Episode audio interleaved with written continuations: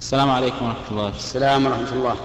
بالنسبة لحديث الرسول صلى الله عليه وسلم الذي ذكر فيه المساجد فقال لتزخرفنها كما زخرفت اليهود والنصارى. فهل المقصود بالزخرفة الصور والتماثيل؟ وإذا حدث أن زخرفت بالصور فهل تجوز الصلاة فيها؟ آه، الحديث هذا آه، مروي عن ابن عباس رضي الله عنه من قوله وإذا كان كذلك فإن الزخرفة يراد بها الزخرفة يراد بها الزخرفة المشابهة لزخرفة اليهود والنصارى.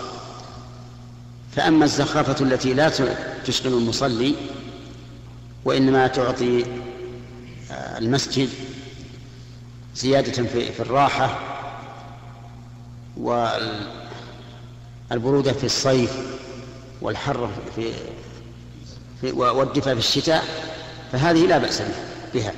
ولكن يجب أن لا يبالغ في ذلك كما يفعله بعض الناس الآن. تجده يجعل على المحراب من الزخارف والنقوش ما يشغل المصلي أو يكون له ثمن باهظ. نعم. فضيلة الشيخ. وأما الصور فلا, فلا يجوز إطلاقا أن يجعل في المساجد صورة لا صورة آدمي ولا صورة حيوان. نعم.